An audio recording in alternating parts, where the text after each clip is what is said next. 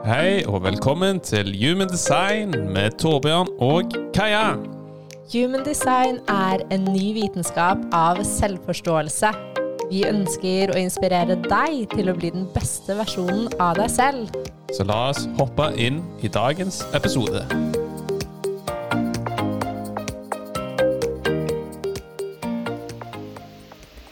Hallo og velkommen til ny episode. Både til du som er ny til denne podkasten, men også til du som er fastlytter eller har lyttet til mange av våre tidligere episoder. Denne episoden er litt annerledes, både fordi vi i utgangspunktet ikke snakker om Humdesign, veldig lite men også fordi vi har med en gjest. Og i denne episoden er vi så heldige å få ha med oss samlivsmentor Stine Kase. Hun sitter på så mye kunnskap og visdom når det kommer til relasjoner og forhold. Torbjørn og jeg elsket å spille inn denne episoden, og vi håper du vil like episoden like mye som vi likte å spille den inn. Vi hadde det kjempegøy. Vi stilte også konkrete spørsmål til Stine i forhold til utfordringer vi finner. Og vi håper det kan være til hjelp for deg. Og jeg tror uavhengig om du er i et forhold, om du er i datingfase, eller om du er singel, så er det mange tips å ta med seg. Og vi finner jo Stine sin historie kjempeinteressant, hvor hun selv gikk fra å være i et blomstrende forhold. Hun opplevde at Mesi gikk på skinner, forelskelsesfasen var der eh, fremdeles, til å plutselig sitte med tvillinger i hendene. Hvor hun da opplevde at ting endret seg. Og hun startet å stille spørsmålstegn til kanskje vi kan få bistand, veiledning, hvordan kan vi navigere forholdet på best mulig måte? Og som mange av oss vet, så er det jo slik at det oppstår utfordringer i et forhold. Og spesielt når det skjer store endringer, og vi får kanskje inn barn i bildet, eller andre ting som gjør at ting blir litt snudd opp ned. Og slik som det var, er det ikke lenger. Og det er jo det livet handler om. Og ikke prøve å motstå utfordringer, men å omfavne utfordringene og se på de som en gave for oss, for å kunne utvikle oss, for å kunne lære. Så så mye av denne episoden handler om hvordan kan vi bli mer nysgjerrig på partneren vår? Hvordan kan vi bli mer nysgjerrig på hva som skjer, og istedenfor å blame eller legge, skyld over på partneren, gå i oss selv, se hvor vi kan kanskje speile oss selv i partneren, og å omfavne situasjonen for det det er, med nysgjerrighet, istedenfor å gå i offermentalitet og å kun se feil i den andre personen. I tillegg snakker vi om hvor avgjørende det er at vi er to individer i et forhold hvor vi må ta ansvar for vårt eget liv, og hvor viktig det er at vi finner selvkjærligheten i oss selv for å også kunne ha et blomstrende forhold. Hvor vi ikke gjør oss avhengig av den andre, andre partneren, men vi kan se på partneren som et bonus på hva vi allerede har inni oss. Stine gir konkrete tips og råd. Hun er så positiv og veldig fascinerende med at vi kan redde veldig mange forhold ved å være mer nysgjerrig. Vi trenger ikke være redde for at toget har gått, fordi så lenge to mennesker er villige til å gjøre en jobb, villige til å gjøre en endring, villige til å faktisk ta gjøre den jobben som, skal, som trengs å gjøres, så kan forholdet endre seg fra å være kaotisk og kanskje virke håpløst til å blomstre til å komme tilbake til den kjærligheten som var der i starten, men på et dypere nivå. Som du sikkert skjønner, så ligger det mye gull som kan være verdifullt å ta med seg. Og nå skal ikke jeg snakke noe mer, fordi jeg ønsker at du skal hoppe inn i dagens episode. Kom gjerne inn på Instagram på at Torbjorn og Kaja og fortell oss hva du synes. Vi elsker å høre fra dere. Så med det sier jeg god lytt.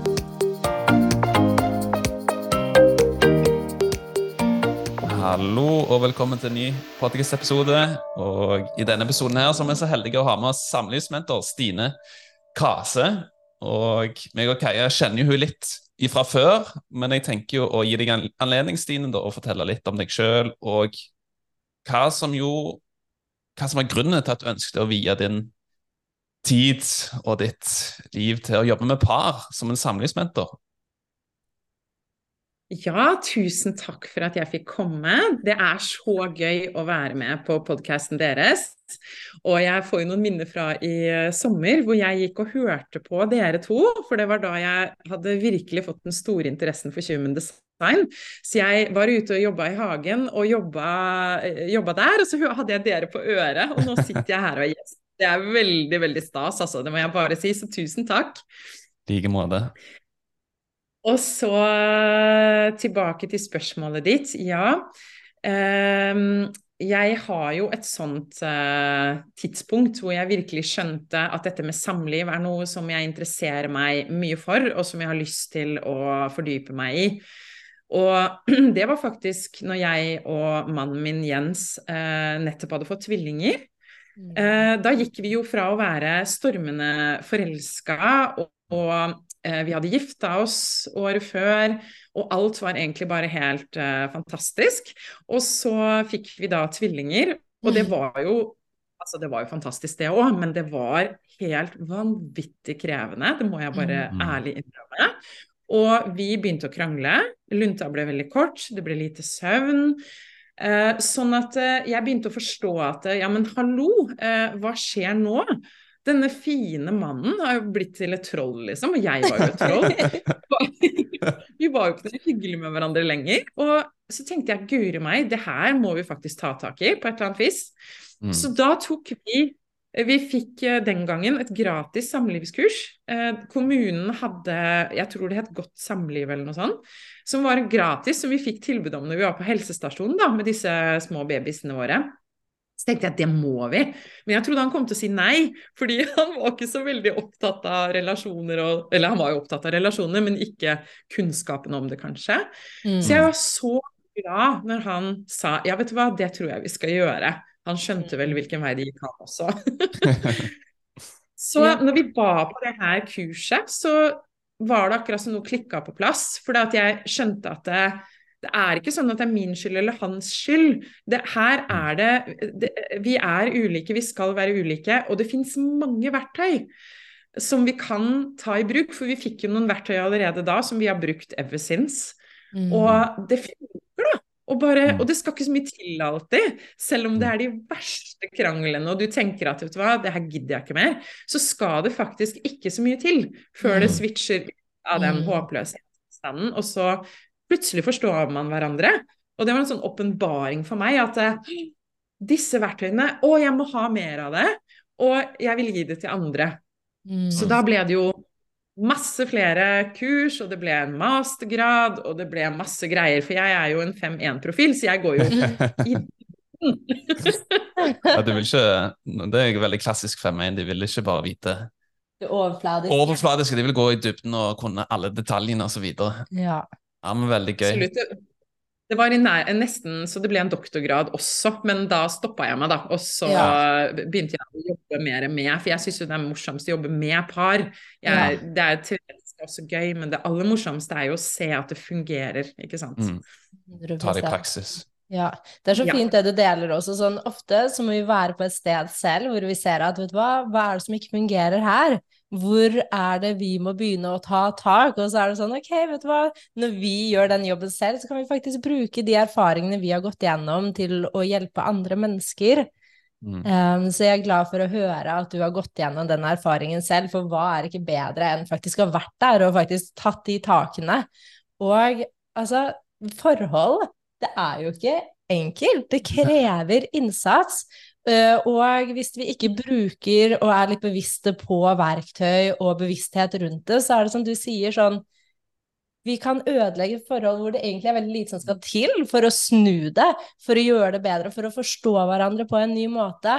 Så jeg er litt nysgjerrig på å høre sånn, hva slags teknikker, og hva er disse verktøyene? Har du noen tips for oss, og også for andre par som hører på, som er nysgjerrige? Ja, altså, jeg har jo en såkalt eklektisk tilnærming, da, og det er jo bare et finere ord på at jeg bare elsker å finne gode verktøy, og så bruker jeg alle sammen. Så det er ikke sånn at når man kommer til meg, så, så er jeg innenfor akkurat den retningen, eller akkurat den retningen, og kommer med en sånn ABCD-liste over hva man skal gjøre først og sist. Eh, for meg så er det veldig naturlig å bare bruke absolutt alt jeg kommer over som kan være til nytte, og gjøre det om til eh, noe forståelig og enkelt da, for de jeg jobber med. Så jeg har veldig mange verktøy. Det er liksom alt fra? Jeg, jeg kan bruke mindfulness, altså tilstedeværelse. Eh, det å lære om følelseskompasset er kjempeviktig, fordi at vi er så vant til å være i hodet vårt, ikke sant. Mm. Eh, det med konflikthåndtering, at det konflikter, det kan um, eh, Det kan egentlig være Det kan føre par mye nærmere sammen. Det er det mange som ikke tenker på, men Mm. når man virkelig klarer å vise sårbarhet, da, og ikke være så opptatt av at det er den andres skyld, men være nysgjerrig. Hvorfor mener du akkurat det? Hvorfor mener jeg faktisk det jeg gjør? Mm. Og klare å være åpen og sårbar i det, så ser jeg jo det. Det, det bringer jo paret mye tettere sammen. Men de Mm. fleste putter under teppet i- stedet, ikke sant? Mm. Børster det under teppet, for det er ubehagelig. Men det er det å komme gjennom det ubehaget og bare OK, vet du hva, dette er litt vanskelig, dette er sårbart, men vi legger det fram her, og så kan vi Mm. lære av hverandre. Mm. Og det Ja, så jeg Det er noe av det jeg gjør. Eh, Og så er det jo eh, kjærlighetsspråkene, vet jeg dere også kan en del om, som jeg er veldig glad i. Som er et sånt banalt, enkelt verktøy, egentlig. Uh, og det husker jeg mannen min også. Han ble så begeistra for kjærlighetsspråkene, det lærte vi faktisk på det aller første samlivskurset, at han, han ble helt sånn Guri, det er jo oppskriften på deg, Stine. Fordi jeg har fysisk kjærlighet da, som mitt. Og Mm. han har ikke det. Tjenester som sitt. Eh, og han bare Wow, er det så enkelt, liksom? Bare jeg holder deg litt i hånda og stryker deg litt på ryggen, så bare er du som smør. Og det Mm. stemmer jo faktisk. Eller ikke helt, da, men mer eller mindre. Nesten. Ja. Litt mer som skal til. Litt mer, men det er viktig å kunne hverandres kjærlighetsspråk. Og fremdeles i dag så møter jeg veldig mange som aldri har hørt om kjærlighetsspråk. Og så tenker jeg dette er jo eh, verktøy og kunnskap som må ut, og som er så viktig, som kan faktisk gjøre en kjempeforskjell. Mm. Og som bare sånn Ok, skal være forskjellige. Det er ikke Mm. meningen at vi skal være kliss like, og det er jo det som er gøy. Men Mm. også komplekst, da, som du sa, Kaja. For det er jo eh, ikke bare enkelt å være i en langvarig relasjon. Det krever faktisk jobb. Eh, men det er gøy, da, når du har et sånt Um, en sånn approach at eh, dette er spennende, og det må man Ja. jo nesten ha. Ja. Sant? Det er på en måte det grunnleggende, og jeg ser jo når du nevner det der med utfordringer, når jeg og Torbjørn har hatt de mest vanskelige utfordringene og faktisk møtt deg og vært sårbare og vist oss sårbare i den situasjonen, så kommer vi så mye nærmere hverandre. Men så kan vi også merke de gangene vi skyver det under teppet. Det er noe som er usagt, noe som ligger og liksom grumser litt på overflaten, og vi kommer egentlig bare lenger fra hverandre. Så jeg tror jo akkurat det du sier der, i tillegg til å være nysgjerrige og også se sånn Hvor er det jeg speiler meg i deg? Hvor er det jeg skylder på deg, som kanskje jeg har litt i meg? Og klarer å liksom se oss selv i den andre og vite at jeg er i dette forholdet for en grunn, fordi jeg skal også lære. Det handler ikke bare om den andre personen, det handler om dynamikken og hva jeg har her for å utvikle meg og for å lære fremover, da. Mm. Ja, selvfølgelig. jeg blir så glad. Mm. Ja, unnskyld. Nei, selvfølgelig veldig det å være ærlig. At man snakker fra hjertet da, og være ærlig. ok, men Hvordan føler jeg meg? Hvordan føler du deg? ok, la oss, Hvordan kan vi møte hverandre? Men så likte jeg veldig godt det du nevnte, Stine, at i starten i ditt forhold med Jens, alt var dans på roser, det var forelskelse, det var Vi Du vet hvordan det er. Ja, og det, er jo, og det er jo virkelig reelt. ikke sant? I starten så er det jo veldig spennende, det er nytt, det er interessant, ok, man er nysgjerrig på hverandre, men så kommer jo ofte realiteten, og du nevnte jo at dere fikk tvillinger, så jeg er egentlig litt sånn nysgjerrig med tanke på, ok, du har jo en del data, du har jo veileder en del par, hva liksom, er det noen sånn gjentagende ting du ser som par sliter mest med, eller synes er mest utfordrende? Ja, det er en del ting som gjentar seg. Eh, det alle sier når de kommer til meg, det er jo at de strever med kommunikasjonen. Men det er jo egentlig bare en overskrift, ikke sant? For kommunikasjon, det er jo alt vi driver med. Så det er det jeg hører, da. Ikke sant? De sier det, at vi strever med kommunikasjonen. Og det det ofte handler om, det er jo et parmønster, da, som jeg kaller det, som har utvikla seg sånn at eh, eller det, det, mest vanlige parmønsteret, da, 80% av alle par har dette. Og det er at den ene går etter og skal løse opp i ting og blir ikke ferdig og skal liksom Vi må snakke, vi må snakke, vi må snakke. Mm. Og den andre trekker seg unna, trenger tid til å prosessere. Og, ikke sant? og så blir det dårlig, et dårlig mønster etter hvert, hvis man ikke lar hverandre få lov til å være som den er. Hvis den som går etter, ikke klarer å unngå å liksom presse den andre da, til å løse opp eller bli venner, ikke sant. For det er jo god intensjon, men det er bare at den andre føler seg jo helt overveldet og bare får ikke tid til å være i fred med sine tanker. Dette mønsteret har jeg og Jens også. Jeg er den som går etter, og han er den som Jeg kan kjenne meg så igjen i akkurat det her. Ja, det er som å Ja, og høre det- Høre oss to. Det er veldig Men folk tror at, eh, folk tror at det, herlighet er noe galt med oss som par som holder på sånn. Eh, For de blir jo kjempefrustrerte, ikke sant? Mm. Begge to blir kjempefrustrerte. Både den som går etter og bare Ja, men snakk med meg, da! Vi må jo løse dette. Vi kan ikke gå og Mm. legge oss uten å ha løst dette. Og den som trekker seg unna, bare Å, guri, jeg får jo den Hun, da. Nå sier jeg hun, for det er mest damer som går etter, faktisk. Mm. Um, hun slutter ikke å mase og nege, liksom. Jeg, får jo ikke, jeg klarer ikke å tenke, jeg blir overveldet. Mm. Og da fort gjort da, at også det der å putte ting under teppet kommer, for det blir så ubehagelig. Og begge blir en dårlig utgave av seg selv. Skyggesiden, da, som dere Mm. snakker om, ikke sant. Mm. Så det er noen klassisk, det der med parmønstre, det kommer vi alltid borti. Og og det er det vi så, ja, det er så interessant Ja. at det også, når man begynner der, så går det i en sånn neg negativ spiral, og så liksom føler man seg dårligere med seg selv, som igjen går utover forholdet, så det blir en sånn skikkelig sånn negativ spiral, som igjen du sier at det er sånn en liten ting som skal til for å få den oppover igjen, og for at vi skal bli sånn Å, nå føler jeg meg bra. Jeg føler at liksom, ting flyter. Jeg føler at vi, vi vil hverandre det beste, og vi går fremover istedenfor liksom å gå bakover i tid, nesten. Ja. Og det det også ofte handler om da, er jo at eh, når man blir skikkelig frustrert på hverandre da, i det der mønsteret, så går man jo i kamp-flukt-modus. Mm. Eh, Vi mennesker gjør jo det, ikke sant? Mm. Når hjertet begynner å slå veldig fort, og man får tunnelsyn, adrenalin, og da, klar, da er man ikke kobla til den kloke tenkehjernen lenger, hvor man rasjonaliserer, og man er ikke kobla til frontallappene sine eh, i hjernen heller, hvor det er empati og ja, du vet, løse ting på en god måte. Mm. For da er man i kampflukt, og da skal man ta den bjørnen, eller man skal rømme Mm. fra den bjørnen, Mm. eller Det spille naturlige død. og- instinkter. Mm. Yes. Og det skjer i parforholdet. I, Mm. ikke sant? Vi har jo nesten ikke bjørner lenger, men partneren blir den bjørnen da, Mm. som du enten prøver å løpe fra eller slåss mot. Mm. Og da klarer man jo ikke. Da, bli, da sier man jo ofte ting som man ikke mener. Man setter ting på spissen, ting som blir vanskelig å ta tilbake etterpå. Mange Mm. kan jo si at nei, når vi krangler, så da sier jeg ofte at nei, vet du hva, nå tror jeg jeg går fra deg. Og det Mm. er jo så destruktivt, ikke sant? Mm. Selv om man mener det jo egentlig ikke, men det setter seg jo som en sånn Oi, når vi krangler, da blir det så ille faktisk at du tenker du må gå fra meg. Og da har man ikke så lyst til å ta en diskusjon om et vanskelig tema med den Mm. personen. Da, det er jo trussel, ikke sant? Mm. Så det er jo mye som skal håndteres. Mm. Eh, Dere snakker om å kjøre ulike biler, ikke sant? Og når det er to stykker som kjører ulik bil, og som krasjer med hverandre, og som prøver å unngå å krasje Det kan fort bli litt kaos. Det kan bli så kaotisk. Og det vet vi alt om. Og jeg, Absolutt. Og jeg føler ja, det er en sånn destruktiv kommunikasjon hvor utgangspunkt ødeleggende det kan være, og meg og Kai kan jo være såpass ærlige. og Vi har jo òg vært der når vi kommuniserer, mm, og når man er liksom på Kaia da av og til på en eh, høy lavbølge emosjonelt i human design, så kan det jo ofte Og jeg tar hun på meg, og jeg forsterker det jo, så da Mm. blir det ofte litt hett av og til.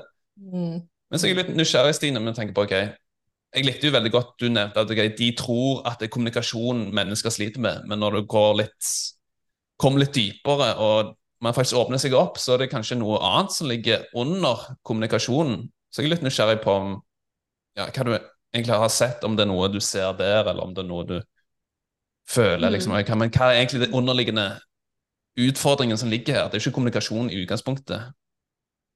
Nei, Um, det som svært, svært ofte uh, ligger under der, da det, Si det kan handle om husarbeid, da, ikke sant?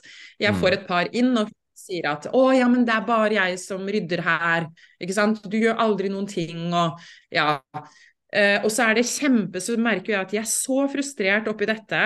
Eh, men det er noe annet det egentlig handler om. Så de tenker at det handler om det, men Mm. det handler stort sett alltid om at én eller begge ikke føler seg sett mm, og hørt og respektert. mm, Fordi eh, Si dette tilfellet med husarbeid, da. Hvordan kan du la meg stå for all ryddingen, eller mesteparten av ryddingen og støvsugingen og vaskingen?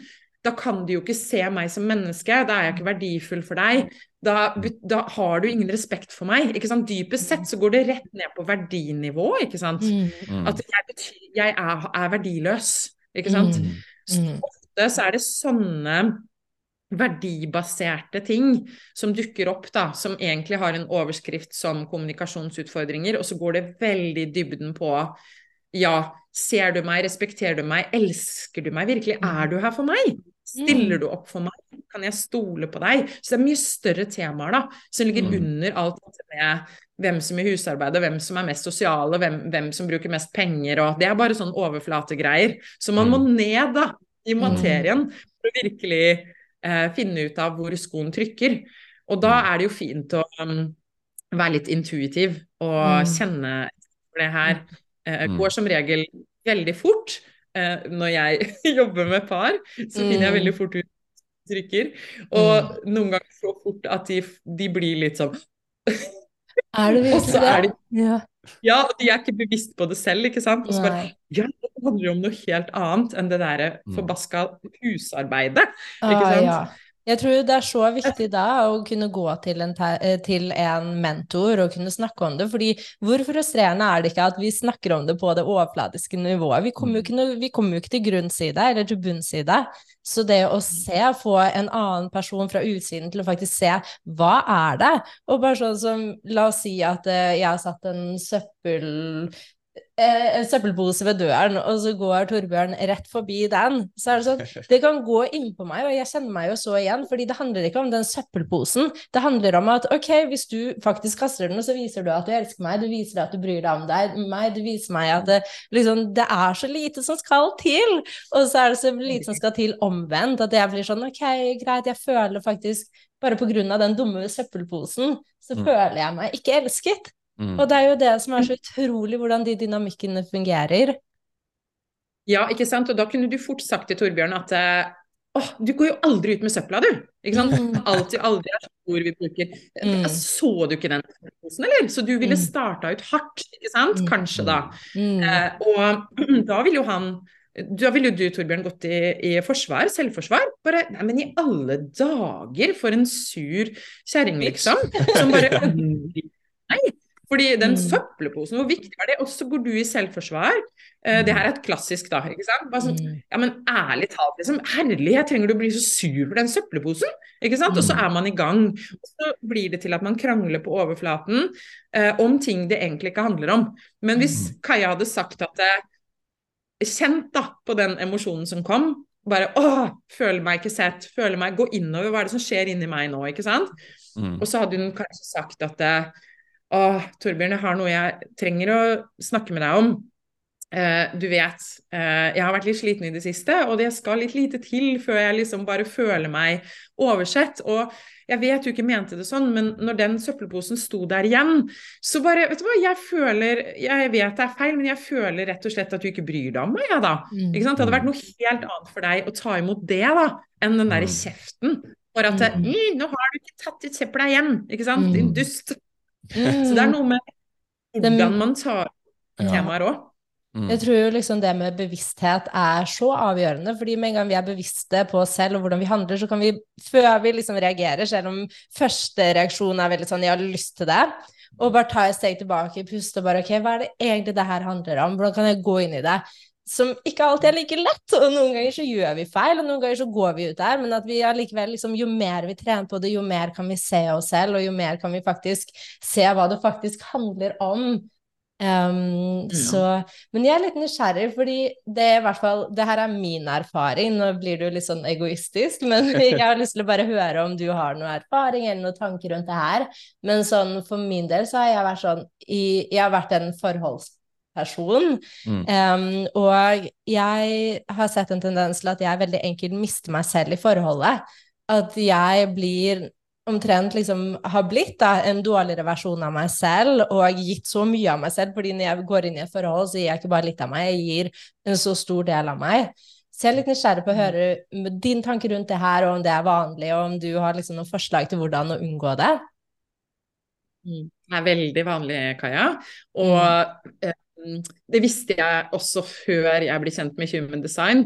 Men jeg har jo skjønt nå at den splitten, for du òg er splitt, er du ikke det? Mm. Eh, den har en liten eh, eh, funksjon her, ikke sant? som kan gjøre at det er lettere å forstå, forstå det, da, hvorfor dette skjer. Så jeg Mm. tror Men jeg tror det er flere årsaker. Jeg tror ikke det bare er det at man Mm. har splitt. Eh, For når man er splitt, så er man jo veldig sånn eh, opptatt av relasjoner og får relasjoner til å fungere. Ikke sant? Mm. Jeg er splitt selv, så jeg kjenner meg så igjen i det du Mm. sier. Jeg har Mm. alltid mista meg selv i parforhold. Mm. Um, og gjorde nok det til å begynne med med Jens også. Men det er det som er godsakene når man har vært sammen med en person skikkelig lenge og virkelig har tatt lærdommen og virkelig øver, så kan det faktisk endre seg. Så jeg vil jo si at i dag så er det helt annerledes i forholdet vårt, eh, fordi jeg er mye mer bevisste. Mye mer bevisst på mine egne grenser. Dette her er jo også litt klassisk kvinne-mann-fenomen.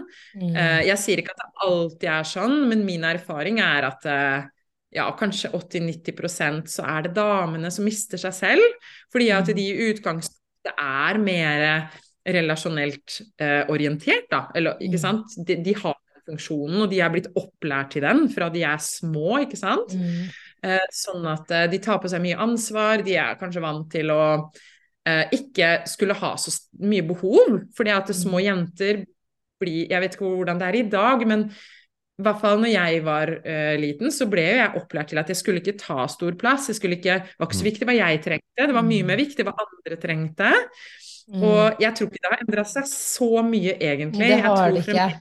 Mm. Jeg er veldig glad du tar opp det her, fordi, altså, og det er det, hvor er det vi kan ta tilbake vår egen kraft av Hvor er det vi liksom stoppet oss selv fra å uttrykke våre behov? Fra å være den kvinnen som vi er, da, med at vi er ikke bare de som skal godta alt og liksom fikse hjemmet, og så ser man sånn Vet du hva, det er så mye mer til det, og hvordan kan vi fordele liksom ting sånn at jeg også kan uttrykke meg og være den jeg alltid kom hit for å være? Mm. Og jeg tror det er, Kaja, at dette med grense, grenser da, for oss damer altså Dette er et tema for alle, selvfølgelig, men eh, det jeg oftest lærer bort til de damene Jeg, jeg eh, har jo eh, damer, egne program for damer også, hvor jeg lærer de hvordan de skal stå i sine grenser, fordi at jeg ser hvor viktig det er for parforholdet. Eh, Mm. Og det å ikke sant? Det går så på automatikk, dette her, å please litt, da. Ikke sant? Og tilpasse seg, da. Og egentlig er det jo en fin ting, men i et parforhold kan det bli ganske skummelt, fordi eh, når man pleaser og tilpasser seg, så, så svikter man jo seg selv. Ikke sant? For man svikter den man egentlig er. For å tilpasse seg en annen. Og det tenker jeg ikke var meningen at vi skulle gjøre. Vi skulle jo være likeverdige. Og det Mm. å opprette den balansen igjen, det er jo det som handler om å ta tilbake grensene sine, og ikke på en sånn eh, slem eller negativ måte, men bare kjenne etter, litt sånn som du snakket om i stad, Kaja. Eh, og kjenne litt innover. Hva er det jeg gjør nå? Nå får jeg lyst til å bare ordne og greie igjen. Nå får jeg lyst til å ta på meg alt, ikke sant. Hva er det jeg driver med nå? For det, man må ta ansvar for det selv og sette de grensene. Det er ikke opp til partneren å på en måte tolke eller å liksom Å ja, nå gjør hun kanskje litt for mye her hjemme. Ikke sant? Når du, når, når du er den som kanskje gjør det, da, uten å engang eh, si hva du trenger til partneren din, så er det du også som må ta ansvaret for å bli tydeligere. Så det her det jeg, jeg oftest sier til damer, er du må bli enda tydeligere, enda tydeligere, enda tydeligere, enda tydeligere. Eh, ja, men jeg sa det jo, jeg sa det jo tydelig nå. Nei, du sa ikke det, for du bruker sånne ord som kanskje og muligens og Mm. Det hadde jo vært fint om Nei, Mm. enda tydeligere. Mm. Dette trenger jeg at du gjør. Nå trenger jeg at du støvsuger. Så tydelig. Ikke sånn det hadde vært kanskje fint om at du f.eks. kunne tenke deg å Nei, nei, ikke inn i bomull. Helt tydelig. det, ja. Og det.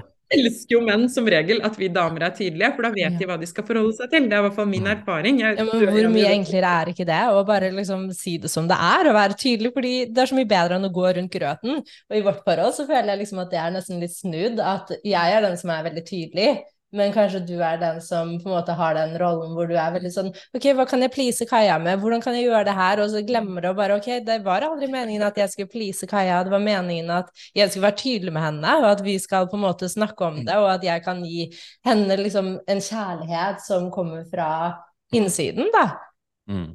Um, og da kommer vi jo litt over til liksom den eh, balansen i feminin og maskulin energi.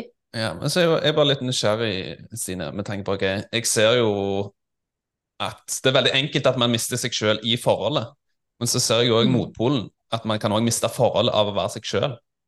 At faktisk, Ja, ok, ja, men når man trer inn i sitt autentiske selv, man trer inn i seg i den personen man egentlig er her for å være, at motparten Mm. syns det er skummelt, syns det er ubehagelig, og Mm. kanskje er det en person man ikke egentlig kjenner 100 med tanke på ok, når man starter et forhold, starter en relasjon, så er det ikke Det er jo ofte at man tar på seg karakterer, beskyttelseslag, for man fra, vil framstille seg selv på en kjærlig måte, en likbar måte, men så viser det seg ok, når relasjonen utvikler seg over tid, så er det kanskje ok, men dette er jo ikke egentlig den jeg er. Jeg vil være meg sjøl. Og da blir det plutselig en uh, ubalanse igjen. Så jeg blir litt sånn nysgjerrig om om du har sett den, det aspektet Ja. òg.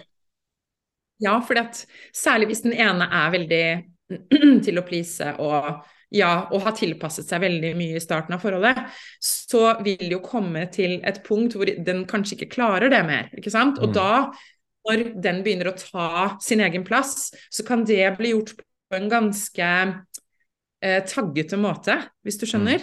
Eh, ikke sånn 'nei, dette er meg, nå vil jeg gjøre som jeg vil', og så liksom Mm. 'oi, shit, hvem er du?' ikke sant? Men går an å gjøre det på en annen måte. Og det vil jeg faktisk si at jeg eh, Jeg er jo sammen med en mann som er ganske annerledes enn meg. Eh, han er jo prosjektor, og jeg er manifesting generator. Um, og det ga jo Det var jo så nydelig å få vite det, da. Bare det Mm. var jo helt sånn Er det derfor han er sånn? Det var helt fantastisk. Og for så mye mer som vet du hva, jeg forstår, jeg forstår, det gir mening. Jeg aksepterer deg nå. Ja, Jeg kan akseptere det det. går fint. Jeg forstår deg på en helt ny måte. Helt. Så, men det jeg skulle si var at eh, han har jo vært kanskje mye mer tydelig på seg og sitt, ikke sant, og hvordan han Han bare har vært seg selv egentlig hele tiden. Ja. Det var, tror jeg var en av grunnene til at jeg for han, mens det er jeg som har drevet og Mm. vært, eh, prøvd å være, vise meg fra glansbildesiden. Mm. Men så kom det til et punkt hvor jeg ble mye tydeligere ikke sant, på hvem jeg er. Og da kunne det jo skjært seg ikke sant, Mm. mellom oss. Og det gjorde det med mange. Mm. For det tåles ikke. ikke sant? Det blir Mm. vanskelig. Jeg Mm. tenker at Her er jo kommunikasjon nøkkelen.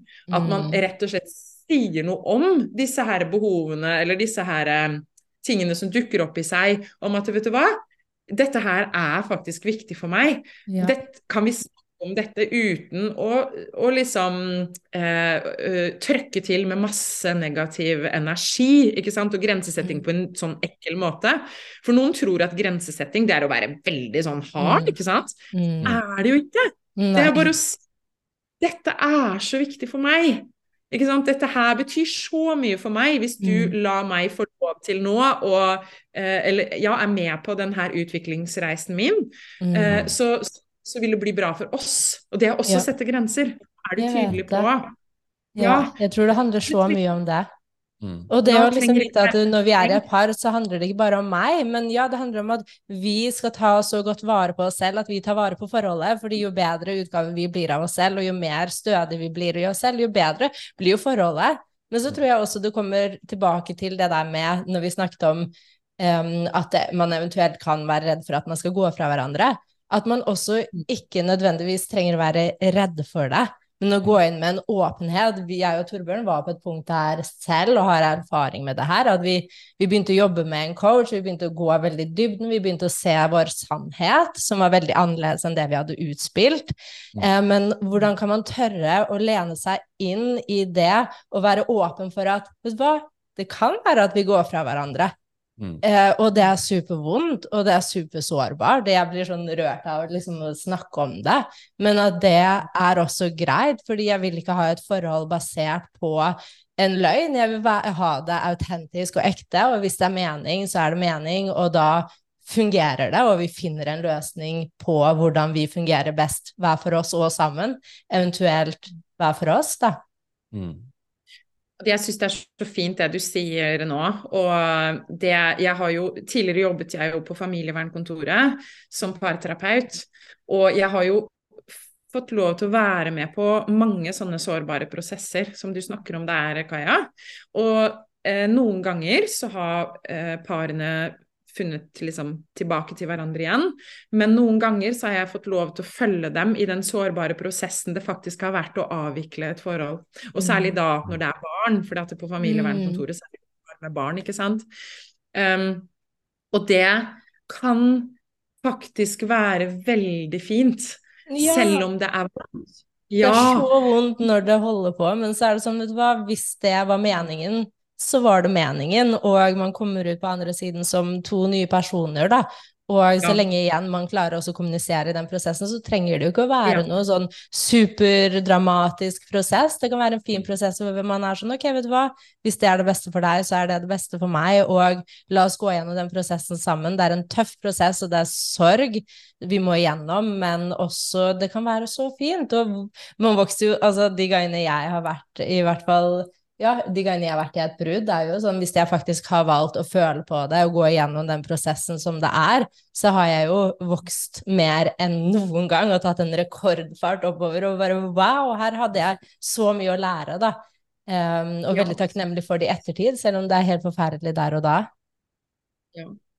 Nei, så det er jo sånn at det er ikke på død og liv alle par som skal holde sammen, selv ikke når de har barn. Men det jeg eh, ser da, er jo at eh, ikke sant? Jeg, ser jo, jeg ser jo begge deler. Jeg ser noen som er Mm. sammen, og som kanskje ikke helt eh, er den beste matchen, da. Selv om man Mm. skal ha den der nysgjerrige approachen, så Mm. kan det være at ikke de er den beste matchen uansett, liksom at de faktisk har det bedre med andre. Men så har jeg jo også så mange ganger, og det er jo sånn som berører meg veldig, hatt eh, par i mekling, for jeg var jo mekler. Altså når eh, par som har barn under 16 skal gå fra hverandre, så må de til mekling i Norge. Og okay. det betyr at du, du må på familievernkontoret eller til en advokat, til en, Mm. en mekler. Og så må du på en måte eh, ha noen timer hvor du ja, går igjennom dette med hvordan barnet skal bo, du, du, du, ikke sant? sånn type ting. da, Og også en mulighet til å eh, Ja, håpet er jo at de skal klare liksom å ha en enighet, da. At ikke det, de går ut av bru- eh, dette bruddet i full kaos. Eh, men jeg har jo opplevd flere ganger nydelige, nydelige par som kommer inn med tårer i øynene, og de skal til mekling, de skal gå fra hverandre. Toget har gått, liksom. Det har vært et destruktivt mønster over så lang tid. Mm. Og så Mm. snakker jeg med de, og så spør jeg alltid sånn En gang var det jo kjærlighet, fortell meg om det. Og da blir de så rørte, ikke sant? For jeg, for jeg tenker det er viktig Mm. ja, for folk må få fortelle om hvordan det var en gang òg, ikke bare 'å, nå Mm. står vi oppi dette grusomme greiene', men hvordan var det en gang? Det begynte jo ikke sånn. Og så når de forteller, så ser jeg jo at de egentlig er jo glad i hverandre på et vis Mm. likevel. Og de er veldig Mm. glad for det, de har skapt barna sammen, og de er veldig sånn De blir ofte veldig rørt, da. Mm. Og og så gang på gang så fikk jeg jo den historien om at å herlighet, hvorfor vi ikke, kom vi ikke i kontakt med en som deg før? Hadde vi mm. truffet deg for liksom noen år siden, så hadde, hadde, det ikke, da hadde det nok ikke dette skjedd. Og når jeg hadde hørt det mange nok ganger, det var da jeg fant ut at jeg måtte jobbe for meg selv, og at jeg måtte jobbe forebyggende, og med de parene som ønsker å bevare kjærligheten, da, og jobbe med kjærligheten. Fordi eh, det var sånn Å, ah, folk må jo ja. ha tilbake til det! De må vite det her! Mm. Wow, altså De vet ikke hvordan de skal ta vare på kjærligheten sin, og så tror de at det er noe galt med partneren når de krangler eller havner i destruktive mønster, men det er jo som regel ikke det. I, mm. i normale parforhold da, så er det jo ikke det, ikke sant. Mm. Det er jo det at man har med Man er hver sine personer, man har med hver sin eh, bagasje, og så plutselig tenker man åh, du er så annerledes enn meg, det må være noe feil med deg. Og så blir det bare verre og verre, ikke sant. Og så ender man med å gå fra hverandre, ja. og så kunne forholdet helt nydelig vakkert. Ja. Jeg er så glad for deg, og jeg er så glad for det, det, arbeidet du gjør. Og vi ser jo en tendens i samfunnet vårt at det har gått veldig sånn ok, når det kommer til vår helse, at det går helt til det destruktive og liksom til det faktisk er så dårlig at vi må Mm. Opereres eller hva enn det er, eh, og medisiner og sånne ting, men så ser vi en tendens, og jo det samme i forhold, at det har gått så langt at nå må vi skille lag. Men så ser vi sånn Oi, shit, vi kan faktisk begynne så mye tidligere. Vi kan begynne med oss selv. Vi kan begynne før vi faktisk går så langt at vi blir utbrent. Vi kan begynne faktisk før forholdet er så destruktivt at vi må gå fra hverandre. Og se at, vet du hva, jeg tror jo også at det, det, er ikke så farlig hvem man er med. Man kan få det til med veldig mange ulike mennesker. Det er veldig sånn hvordan er jeg i møte med den andre personen, og hvordan er det jeg også speiler den andre personen? Og hvordan er det vi bare kan være den utgaven vi kom hit for å være. Og fungerer det da så superfint, og fungerer det ikke, så er det også greit. For jeg, jeg tror jo også bare sånn når vi snakker om det her, at det, det, var aldri meningen å prøve å være sammen lengst mulig, men å få det til så bra som overhodet mulig når man først er sammen. Og se at vet du hva, hva er det jeg egentlig vil gjøre her? Hvordan er det jeg vil leve livet? Og ja, med og uten hverandre. At det blir ikke sånn at vi holder på det fra et sted som er usunt, men mer sånn wow, så gøy det er å se din utvikling og min utvikling og vår utvikling sammen. Mm. Og tillate hverandre å vokse som mennesker, for det var også mm. meningen, tenker jeg, at vi ikke bare skal vi vokse hver for oss, men vi skal også vokse sammen. Og man, mm. det jeg ofte hører, er jo den nei, vi har vokst fra hverandre. Men det er mm. også et valg man har, da, for da har man på en mm. måte tatt et valg om ikke koble seg på. Og jeg mm. tror jo virkelig jeg bare tenker på meg og Jens som er så forskjellige og um, har egentlig ganske ulike behov. Vi har, vi har fått det til pga. at vi har hatt verktøy og pga. at vi har snakket så mye sammen og vi har tillatt hverandre å vokse og være den uh, vi er. da. Mm. Uh, og jeg tenker at når vi får til det, så er det veldig mange andre som kan få det til også. Men ja, mm. for noen krever det jo litt mer. Noen er jo litt mer sånn at det sklir liksom veldig av seg selv. Jeg har jo mm. valgt en partner som utfordrer meg, og jeg er jo mm. kjempeglad for det. fordi at jeg syns det er så spennende med relasjoner.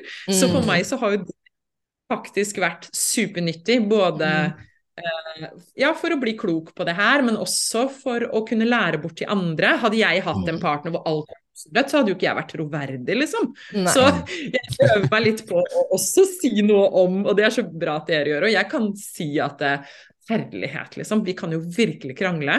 Og mm.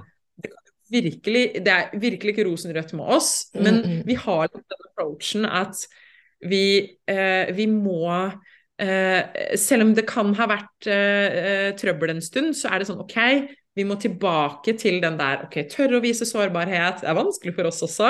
Mm. Tørre å vise sårbarhet, tørre å møte igjen, og tørre å se at OK, her er vi så ulike, og jeg kan bli mm. så irritert på at han Jeg er jo emosjonell, ikke sant, og han er jo sånn splenik. Uh, ja, så vi er jo veldig forskjellige.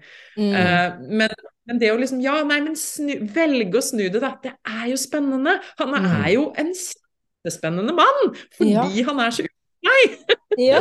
ja, men det er nettopp det å komme med litt nye øyne og se det fra et sted hvor det trenger ikke være perfekt. Det å være, det å være menneske på den jord er Messi. Vi mm. er Messi av natur, liksom. Det er sånn, og selvfølgelig når vi kommer sammen, to personer, så gjør det det enda mer utfordrende. Men mm. Og ikke prøve å liksom skyve vekk utfordringer, men å være sånn OK, let's go, la utfordringene komme, og se sånn Hva kan vi lære her?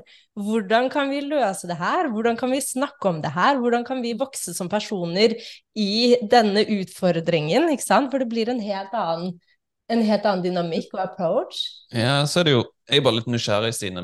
Når utfordringene står på sitt verste, og kommunikasjon og krangelen uh, går sin vei, så er jeg bare litt nysgjerrig på ok, ja, men hva er det hva er det du anbefaler, eller hva du for eksempel, du og Jens gjør da for å komme liksom tilbake til ok, ja, men la oss nå komme tilbake der vi kan se hverandre og respektere hverandre og kommunisere, kommunisere, på en respektfull måte. Unngå å kommunisere på en emosjonell høybølge. ja, er det noe liksom Ok, la oss ha det noe sånn faste ritualer eller rutiner eller sånn verktøy som La oss gå tilbake til Her kan vi møte hverandre med respekt. Ja, så Det er jo egentlig banalt enkelt, men samtidig mm. forferdelig vanskelig. Fordi at, eh, som vi var inne på i stad, når man er helt oppe i den der konflikten, så er man i kampflukt, ikke sant? Mm. Eller man er i veldig avvisning, da. Mm. Men det er også kampflukt. Selv om man avviser den andre og er stille, så kan jo hjertet dundre, og man kan være helt overveldet likevel. Mm. Så det skjer noe på innsiden. Vi er jo kropper, vi er jo biologi, ikke sant? Eh, og instinkter. Sånn at det, eh, det her skjer jo på innsiden. Og nå har vi øvd så mye på dette her, og i tillegg er jo jeg mindfulness-instruktør, så jeg jobba så mye med det her å være i nuet og pusten og regulere ting med pusten, og det er jo fordi jeg har trengt det selv, ikke sant? Mm. Ja, ja. så, i vårt parforhold så er det sånn at um, ja, vi kan også bli uh, irriterte og, og, krangle høylytt også. Mm. Uh, vi er to sånn, sterke personligheter, så det kan vi gjøre. Men uh, Og der og da, det å innse at dette løser vi ikke her og nå. Når du har mm. kommet opp på det stadiet hvor du er liksom Du kjenner at det, du er der, da er det ikke nødvendig å prøve å løse det der og da. Det er det mange tror, vet du. Vi må mm. løse det, vi må løse det, vi må snakke, vi må mm. snakke. Nei, vi må ikke. Nå må vi ha pause. Så det har nok vi skjønt etter veldig mye øving. At det eneste som funker når vi har smelt eh, fra oss, liksom, det er å ta en pause, fordi mm. at da får du hele nervesystemet til å falle til ro, mm. eh, og stresshormonene slutter å bli pumpa ut i kroppen, hjertet går ned i vanlig rytme. Så det aller beste rådet, det er så banalt enkelt som ta en pause på minst 20 minutter når du har mm. blitt sånn roused, ikke sant? 20 minutter, minst, kanskje en halvtime. Gjør noe helt annet. Ikke tenk på konflikten, for da, du, da spinner du deg inn i det med en gang. Så gjør noe helt annet. Avled deg selv, gå en tur, whatever. Uh, surf på nettet, whatever. Uh, se på Netflix. Men ikke tenk på denne konflikten. Og så, når alt er rolig, etter kanskje 20 minutter, 30 minutter, 30 minutter så kan man være enige om at da møtes vi på nytt igjen. Og da, vet du, da er jo ikke den krisa så stor lenger. Mm, Mange mm. sier jo til meg Jeg husker ikke engang hva vi krangla om, men ja, det er jo det. Altså, det er jo så interessant, fordi, og, og, jeg kan jo kjenne meg veldig igjen, fordi jeg er også spesielt kanskje som emosjonell i gymdesign, så kan det veldig sånn boble over, og det handler ikke engang om Torbjørn, det er mine egne emosjoner som på en måte Torbjørn får gått gjennom, da. Mm. Um, og når jeg da, ok, klarer da å ta et steg tilbake, kanskje si sånn enten om jeg eller Torbjørn går oss en tur, og så setter vi oss ned igjen og spør hva var det, hva er, liksom, hva er selve poenget, hva er det vi egentlig er sure for? Og så er det sånn, ok, det er en så liten ting, og det er så enkelt å løse, som kunne blitt en så mye større konflikt hvis vi går rett inn i det eh, mm. på den urasjonelle måten, da. Men så tror jeg også det, som dere snakket om i stad, at vi mennesker vi er jo Messi liksom, fra før. Mm. Så mm. vi, vi, kan ikke tro at vi skal unngå konflikter. Og faktisk så er det ikke poeng å unngå konflikter i et parforhold. Konflikter kan få, få oss til å vokse, kan være nyttig, for ellers ja. blir det stagnert inni oss. Så det er ikke så farlig, det. Jeg syns det er mye farligere med par som aldri krangler. 100% Altså, jeg får gåsehud. Aldri krangler høres ikke bra ut. Her altså, er det noen som. Veldig overfladisk. Det er ikke bra. Og jeg tenker at veldig ofte da så handler det om at no, en eller annen driver og går på tå hev og tilpasser seg altfor mye, og det er derfor det ikke blir krangel. Eh, så det å aldri krangle, da er det ofte at man bare går i den der stillheten i stedet, og det er ikke bra. Så det mm. å liksom kunne smelle litt av seg og krangle litt, det er ikke farlig. Eh, men når det har skjedd, så er det også noe med å kjenne igjen at vet du hva, nå dette er ikke nyttig. Og når man har Mm. øvd på det litt, da, og ta disse pausene, så skjønner man at dette, her kommer vi ingen vei. Mm. Og det å kunne Mm. si det til partneren sin, Mm. at vet du hva, nå er jeg dritsur på deg, men nå Mm. kommer vi ingen vei. Du vet det. Nå jeg, å, jeg har bare lyst til å fortsette å krangle med deg, men nå må vi faktisk det, eh, liksom, ta en pause og snakke om det Mm. litt senere. Og det kan være etter en halvtime, eller det kan være dagen etter. Mm. Det der å alltid løse problemene sine før man legger seg, også bare tull. Det vil jeg Mm. si. Det er en sånn myte Mm. som jeg har lært selv. Man skal alltid bli venner før man legger seg. Vet du hva? Noen ganger så er det så bra å kunne ta opp temaet dagen etter, hvor man er Mm. Sovet, det er trygt, det er ikke farlig. Mm. Det å liksom forstå det at det trenger ikke å være farlig, og Mm. så kunne ta det opp i ro dagen etter, så blir det sånn der Vi kan til og med le av det, ikke sant. Hva er det vi driver i går? Vi var jo helt gærne! Mm. ikke sant? Ja, jeg tror det også. Og noen ganger når jeg og Torbjørn får en diskusjon og snakker med en litt hevet stemme til hverandre, så føler jeg også sånn at det bare blir lettere av å si det som det er, og fortelle det og si sannheten i øyeblikket, og bli sånn, vet du hva, nå føler jeg meg lettere. Jeg trengte bare å få det ut, ikke sant, for det er bare emosjoner som vil ut, eh, som er i bevegelse. Så det også er sånn interessant hvordan vi kan oppleve selv om det er liksom der og da litt ubehagelig, men så lenge vi har respekt for hverandre i det vi hever stemmen og i det vi har å si, så kan det også hjelpe. Mm. Absolutt. Og så er det én ting til som jeg har lyst til å si i forbindelse med det. Fordi det kan være lurt da for alle par å ha gjort seg opp noen regler i fredstid for hvor Mm. langt man faktisk kan gå når man Mm. blir sint på hverandre. Mm. Eh, veldig mange sier ting som de angrer på etterpå, Mm. og hjernen vår lagrer det. Så hvis man sier kjempestygge ting til hverandre, så setter det seg fast i systemet vårt. Så det er ikke så Mm. klokt da. Ikke sant? Selv om ikke det egentlig var meningen. Så Mm. det som er at eh, i fredstid når man, så kan man snakke om hvilke grenser. Ja, man kan si, man kan si ting. Liksom, man kan bare bli enige. Kan jeg kalle deg en dust? Ja, det er greit, f.eks.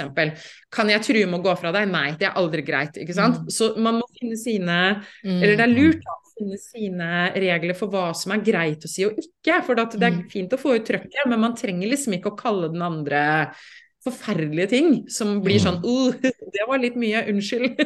ikke sant? Mm. For, for da kan den andre gå liksom Oi, mente partneren min det? Det var Mm. ganske ille, liksom.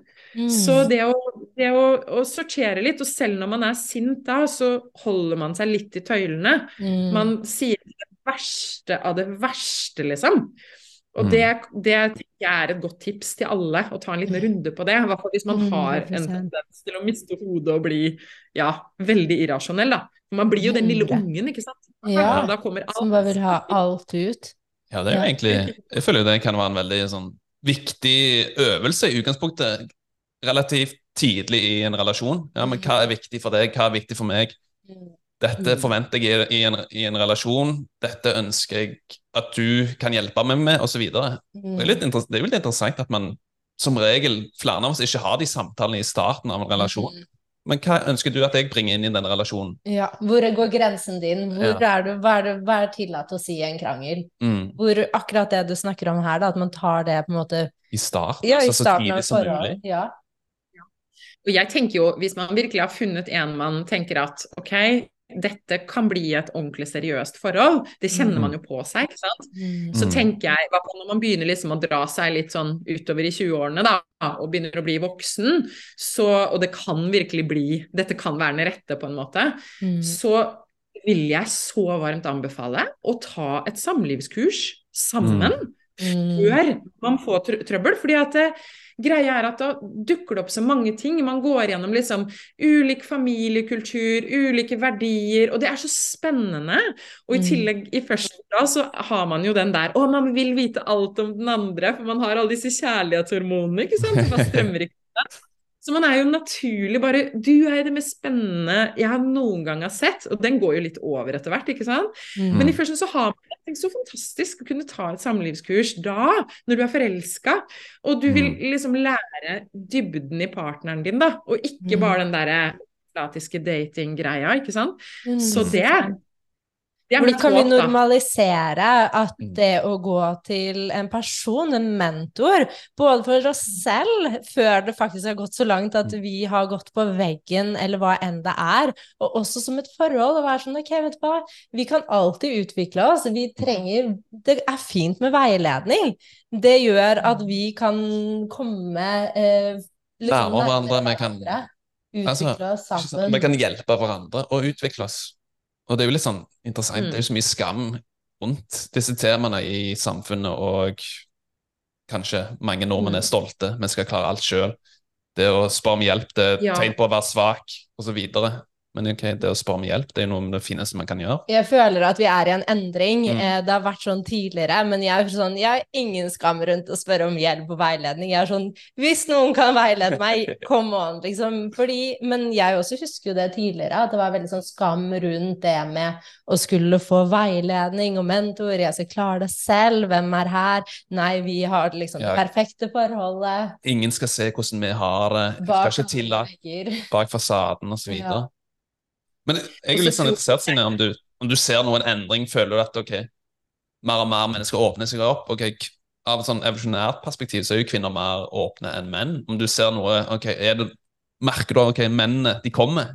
Kommer de, eller er det Ja, ja, de gjør det, vet du. Og det er så fantastisk. Men jeg er litt sånn oppgitt over min egen generasjon, fordi at der er det fremdeles sånn at det skal være skikkelig kjørt, altså, før de Det er nesten ingen Mm. menn som tar kontakt meg. Og de gangene menn tar kontakt, så er det sånn at eh, Så spør jeg liksom OK, fikk du beskjed om å ringe? Ja, sier de som regel. Det Mm. finnes noen unntak, men kanskje 90% da, så er det sånn. Og som i min generasjon er det her enda verre, vi som er født på 70-tallet, og, og kanskje også godt gått ut på 80-tallet, at det er veldig sånn ordne sjøl, som du sier, Torbjørn, og veldig sånn Nei, men relasjoner, det skal vi da klare selv. Altså hvis vi må få Mm. hjelp, galt med forholdet, da. Eh, Mm. Så den holdningen, den sitter så i min generasjon. Eh, Og også blant en del av damene sitter det i. Og jeg har jo folk ute som følger med på alt jeg gjør, og de tør ikke å, å trykke like Mm. engang, for de er så redd for at noen skal tro at de har trøbbel i parforholdet. Og da blir jeg helt sånn Å nei, det er jo så trist. Jeg gjør jo alt jeg kan for å normalisere og normalisere. Og Jeg sa det på, akkurat inni meg, sånn normalisere at liksom, det går fint, vi er sammen om det. Vi har alle våre ting i et forhold og med oss selv. Det går fint. Absolutt. Det går Ja. fint, og det er noe men jeg har veldig tro på deres generasjon, de yngre. Uh, og jeg har jo også noen par jeg har jobbet med i det siste, som er på deres alder.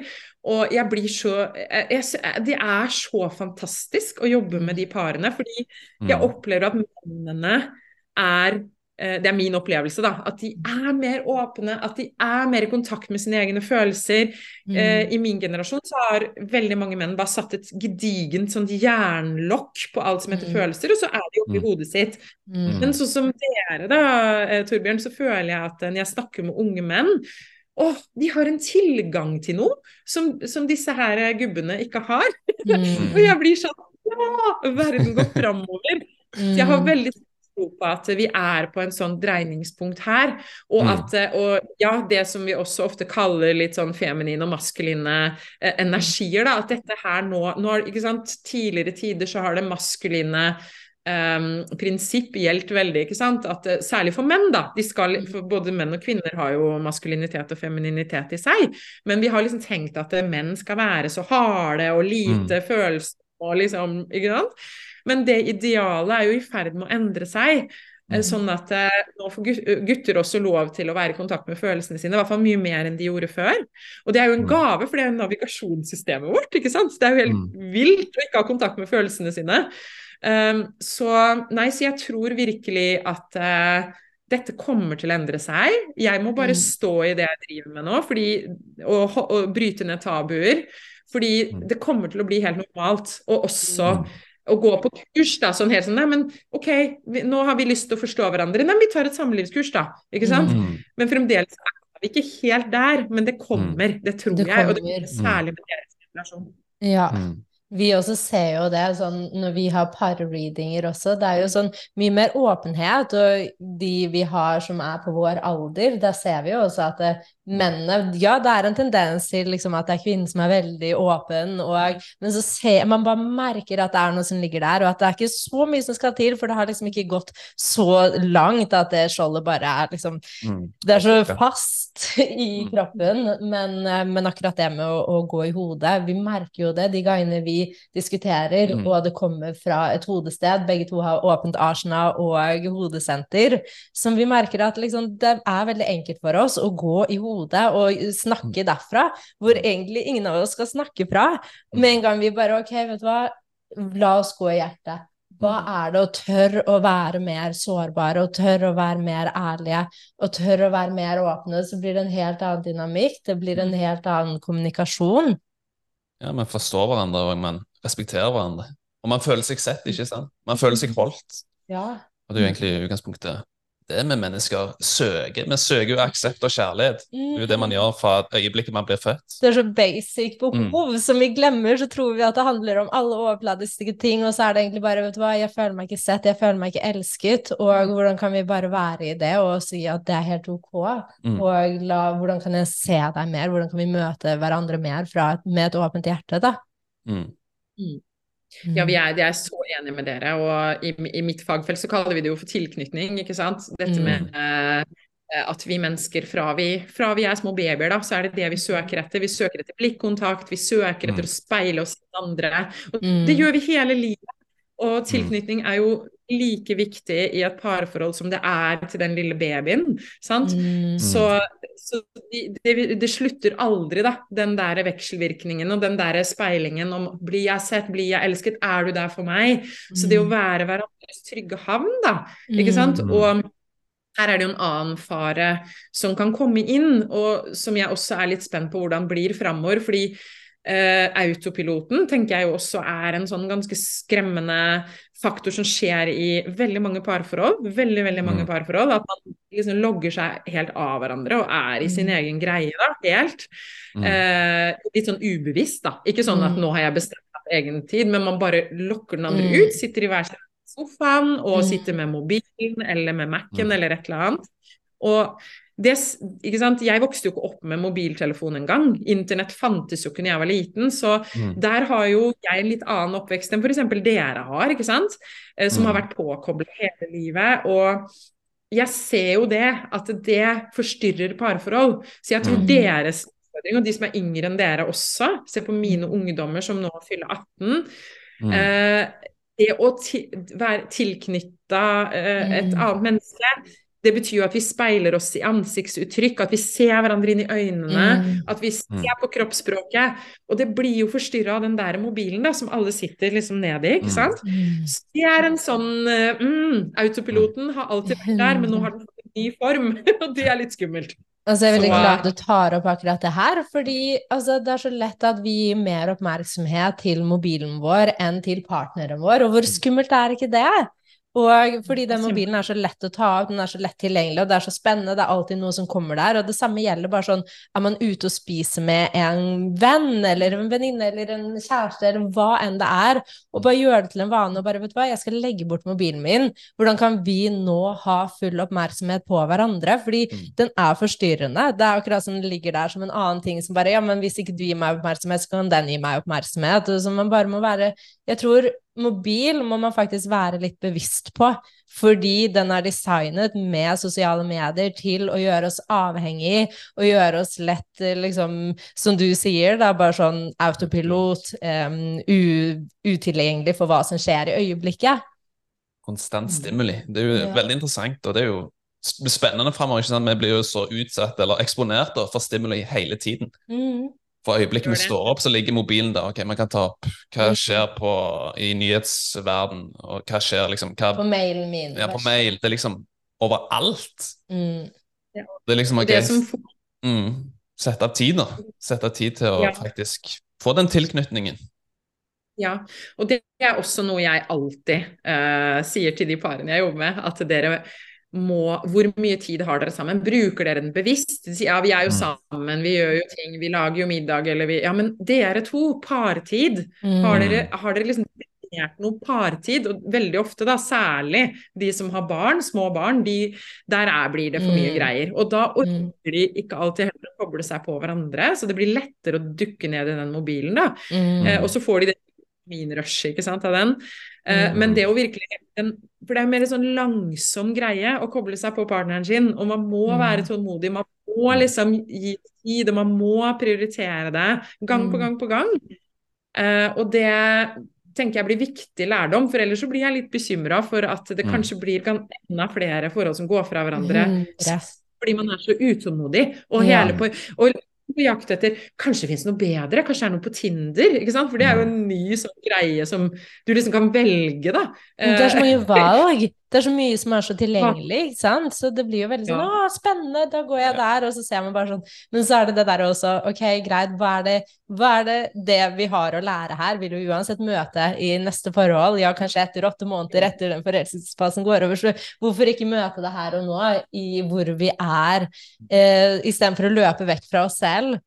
Um, så ja, akkurat det, det du nevner med mobil. Altså, jeg er veldig sånn, ok, på meg selv så har jeg veldig sånn, jeg må være superstrikt med mobilen min, og være sånn på morgenen så er den ikke tilgjengelig, der og da er den ikke tilgjengelig, fordi jeg ser hvor lett, jeg går bare, det går på repeat, jeg bare tar den opp, og så ser jeg at jeg er på Instagram, og så blir jeg sånn, jeg har ikke tenkt over at jeg går inn der engang, jeg bare går inn, så hvis ikke jeg er superbevisst, så, så er den altfor tilgjengelig for meg.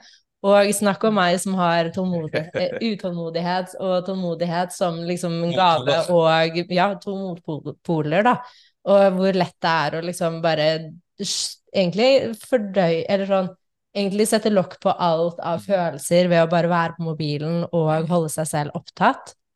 Ja, så kan man så enkelt sammenligne òg, ikke sant. Man kan se å, den, det paret, for eksempel, den relasjonen, og de har det så gøy sammen. Men så er det jo ikke et sosial, sosiale medier som viser, det er jo bare et øyeblikksbilde. Det viser jo ikke realiteten.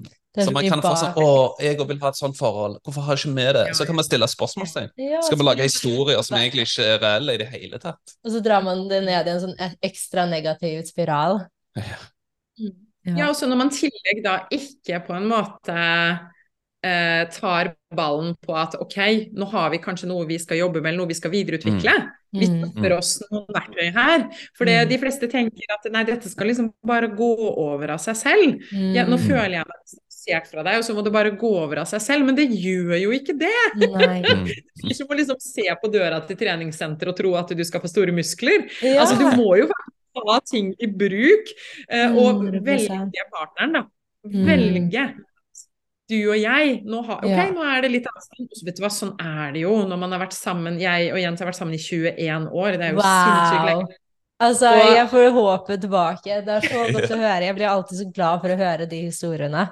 Mm. Ja, men det har jo gått opp og ned. Og det har jo Mm. vært eh, tider hvor jeg har hatt lyst til å, å kicke han ut døra, og han har lyst til å kicke ut meg døra. Så vi Mm. har, vi har liksom stått i det, da, og Ja. hele tiden ikke gitt opp eh, liksom ideen om oss to. Så vi Mm. har liksom valgt å se det på nye, nye vinkler, men selvfølgelig Mm. stormer det. Et parforhold går jo ikke bare én Nei, vei. og og så det bare være ok med at noen måneder La oss si at det er liksom noen måneder da, som er sånn Ok, nå er det en skikkelig dårlig periode, men å si at det trenger ikke å være enden på forholdet, fordi om en måned igjen så kan ting blomstre. Det kan endre seg. Vi kan endre oss, og det kan bli bra igjen.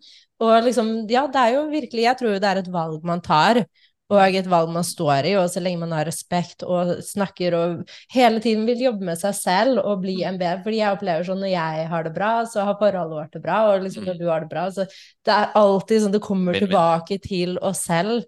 Um, så tror jeg bare sånn å gi hverandre space, det har vært hva vi opplevd, som har vært helt ute av balanse. Det er egentlig liksom altfor lenge når vi har bodd sammen, vi har reist sammen, vi har jobbet sammen, vi har vært kjærester sammen. Og det å liksom ikke få den spacen, så blir man helt sånn Man går oppå hverandre, og man blir urasjonelle. Så gi hverandre space. Um, I tillegg så har vi en sånn skikkelig godt, eh, god ting som har fungert for oss, da. Eh, og det er å, å, å gi hverandre tid. Jeg tror vi satte på sånn fem minutter hver for oss på en sånn timer, og så la vi den ene snakke helt uforstyrret. Og så bare liksom si det man har på hjertet. Hvor mye som kommer av som ikke hadde kommet av hvis ikke vi hadde faktisk satt av den tiden. Ja, så er det jo ofte den ene vil avbryte, ikke sant? Vil komme med Mm. motargumenter. Ja, men det er på grunn av Man ønsker å forklare seg, da. Ja, men Mm. grunnen til at du føler det sånn, er på grunn av X eller Y, og så videre. Mm. Så det, for vår del det bare funke, funker veldig bra. da, liksom, ok, Du kan snakke fem minutter, hva enn det må være, det som er på hjertet. Ja. Og så avslutte med sånn med et utsagn eller et sitat. Jeg respekterer deg. Det var den, Takk for at du er ærlig og åpen. Jeg elsker deg. Det var liksom ok, ja. Ja. men holdt hverandre da i Det tillegg. føltes nydelig. Det var jo det er- så Det er skikkelig fint, og det har fungert så bra. Så Mm. til alle som trenger det, liksom prøv det ut. I starten syntes vi det var superubehagelig og veldig merkelig, og kanskje spesielt du, siden det er jeg som snakker mest, da. Men så, så har det vært så nødvendig å kunne, kunne liksom ta i bruk det verktøyet og kunne bare sagt det, få sagt det vi har på hjertet. Det er helt nydelig. Og så tenker jeg, Stine, litt sånn avslutningsvis Jeg elsker jo Vi, kunne jo, vi kan jo nesten ha Flere flere Vi må ha flere podkastepisoder, fordi jeg elsker dette temaet, og jeg merker liksom energien Jeg er veldig sånn fan av deg. Man merker det bare. Man connecter veldig yeah. godt med, med noen mennesker. Og arbeidet du gjør, altså fortell oss, hvor kan vi jobbe med deg? Hvor... Men det jeg tenkte å spørre okay, før, før vi går over på det så jeg, jo, jeg vet jo du, Stine, er jo veldig interessert i human design, og jeg har Ja. implementert det i ditt liv og, og bruker det i veiledningen med dine klienter, med dine par. Og så er jeg bare litt nysgjerrig på reaksjonen til når du nevner f.eks. human design. og hva, liksom, hva, hva er det du føler de Føler du møter motstand eller åpenhet, eller Vet du hva, jeg var så overraska over hvor positive folk er. Fordi eh, når jeg først kom borti Human Design, så visste jeg egentlig ikke hvordan det hadde kommet til verden. Så jeg, jeg, eh, var, jeg var veldig sånn åpen og nysgjerrig, som jeg er på de fleste ting. Så jeg bare tok det rett inn og følte det passet så bra på meg. Og så i Mm. etterkant så hørte, skjønte jeg jo den litt mer mystiske eh, måten det har kommet hit på, da. Mm. Eh, og, den, og så ble jeg jo litt sånn oi, oi, oi, de parene jeg jobber med, kanskje de syns dette er veldig rart. mm. Men jeg sier det jo bare enkelt. Jeg sier at dette er et kjempefint verktøy som, som skaper et slags kart som gjør at det er Og det er ikke noe fasit på hvem du er eller partneren er, men det er bare så fint å liksom kunne se en del temaer vi kanskje har strevd litt med, eller som vi syns er lette, og bare se Å ja, det er derfor! Så det kan lette kommunikasjonen, det kan lette måten man er sammen på, ikke sant. Og når jeg forklarer det sånn, så blir de som regel supernysgjerrige, så hittil har alle bare ja, det var ett par som har vært skeptisk, men bitte lite grann. Uh, om det har litt med religion å gjøre. Mm. Men alle andre Virkelig. Altså, og, og mennene kanskje nesten uh, har jeg vært veldig overrasket over hvor, hvor uh, nysgjerrig de er. Mm. Og hvor, uh, hvor fort de liksom bare For det er Man kjenner seg jo sånn igjen i det, særlig når man beskriver profilene, ikke sant, og dette her, så, så bare ja!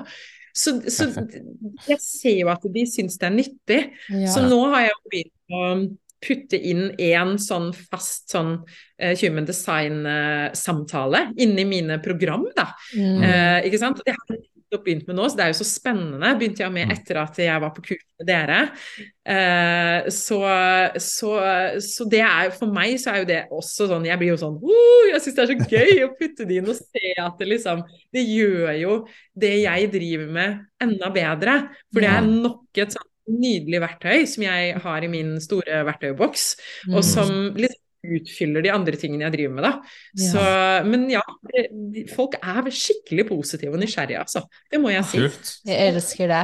Og det er liksom sånn, jeg føler for det første, vi trenger, man trenger ikke engang å forklare hvor det kommer fra, mystikken bak det, men å si, vet du hva, du trenger ikke å tro på noe, du trenger ikke å forstå hvor det kommer fra, du trenger ikke å se at det har noe med fødselstidspunktet ditt å gjøre, bare se om det lander hos deg. La liksom gi det en sjanse og se hvordan det lander hos deg, og det jeg opplever er at alle liksom bare blir sånn Å, jeg kjenner meg igjen!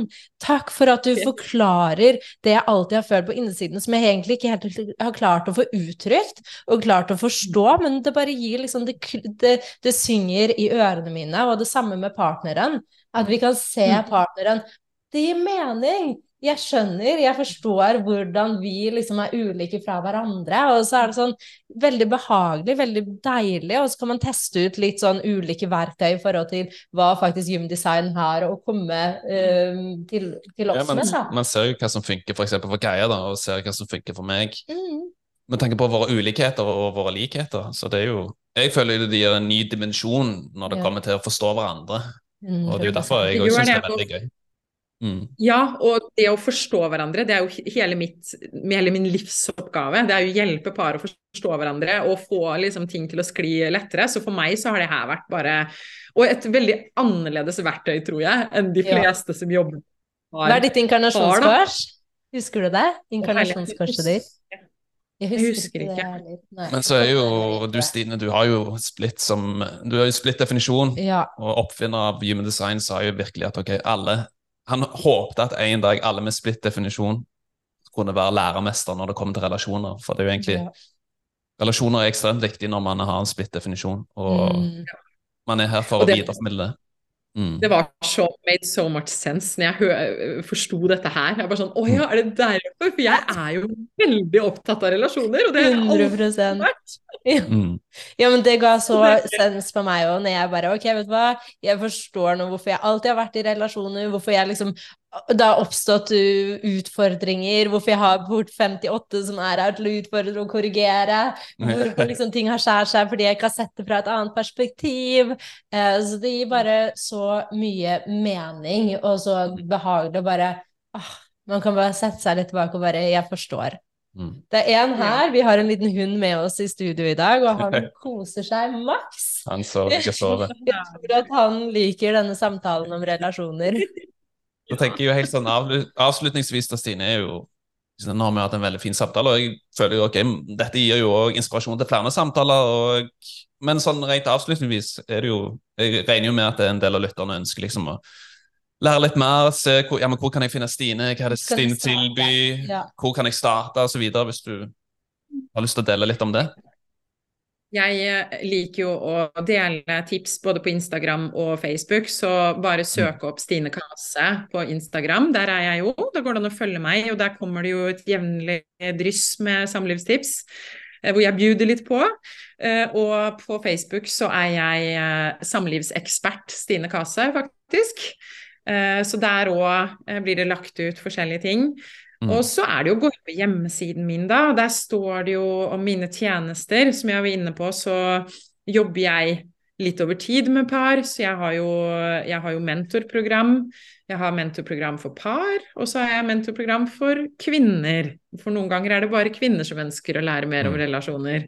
Mm. Og så har jeg jo Og det er én-til-én-program, eh, begge, begge to, da. Og så har jeg jo utviklet mitt eget samlivskurs, det var jeg jo nødt til å gjøre. For jeg vil jo veldig gjerne spre disse verktøyene til verden, som man også kan lese om der. Og så er det portalen min, da, Magiske relasjoner.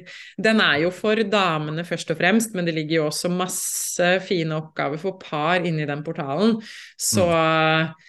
Ja, så det er bare å uh, gå inn på stinekase.no uh, og se på tjenestene som ligger der, og også booke en mm. introsamtale hvis man kjenne, lurer på om det jeg tilbyr er en match, fordi ja. jeg er kjempeopptatt av å jobbe med de som føler på en match med meg. Uh, jeg jobber ikke lenger hvor, jeg, hvor, det er et eller annet som ikke matcher, fordi mm. jeg føler at det blir så riktig da, mm. når vi er en match. Man får gjort så mye bedre arbeid, og det blir en så mye bedre prosess. Så det er alltid en sånn 20 minutters mm. introsamtale først, hvor vi liksom bare blir litt kjent, og det er ikke noe forpliktende. Da bare finner man mm. ut passer vi til å jobbe sammen, og så kan man helt bestemme om man vil jobbe videre med meg eller ikke, da. Mm, mm. Kjempefint. Jeg tror det er så viktig for oss selv og for den andre at man, at man matcher. Eh, så man, for man merker igjen når man tapper inn på intuisjonen sånn Er det her en match? Kan vi komme videre med det her? Så er det sånn Ja, la oss mm. gjøre det. Ellers er det sånn, vet du hva, vi er alle her for ulike mennesker, så det også er en fin ting å, å bare innse. Um, så jeg ønsker bare å si tusen, tusen takk. hjertelig takk, Stine. For jeg føler jeg har lært så mye, og jeg blir sånn der, mer motivert bare av å snakke med deg. Jeg føler du setter i gang en sånn gnist i Ja, la oss jobbe litt. la oss legge fra oss mobilen litt. ja, jeg likte veldig godt det du nevnte, for eksempel. Ja, men og enkelte Det skal skille da, ok, hvor mye tid tar dere sammen? Bevisst tid sammen. Ok, Ja. ja. men nå har vi kjærestetid.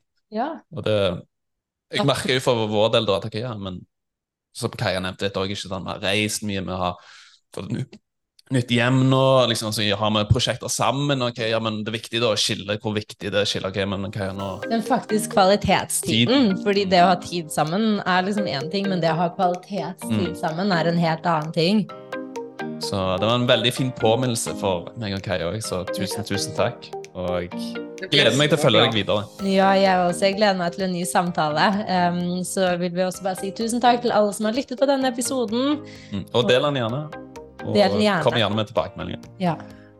Tusen takk for meg. tusen takk.